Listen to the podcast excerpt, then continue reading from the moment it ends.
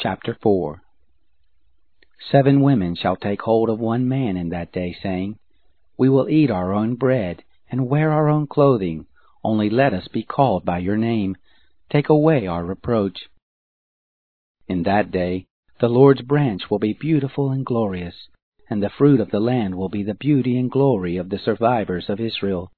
It will happen that he who is left in Zion and he who remains in Jerusalem shall be called holy even every one who is written among the living in Jerusalem, when the Lord shall have washed away the filth of the daughters of Zion, and shall have purged the blood of Jerusalem from its midst, by the Spirit of justice and by the Spirit of burning. The Lord will create over the whole habitation of Mount Zion and over her assemblies a cloud and smoke by day, and the shining of a flaming fire by night, for over all the glory will be a canopy. There will be a pavilion for a shade in the daytime from the heat, and for a refuge and for a shelter from storm and from rain.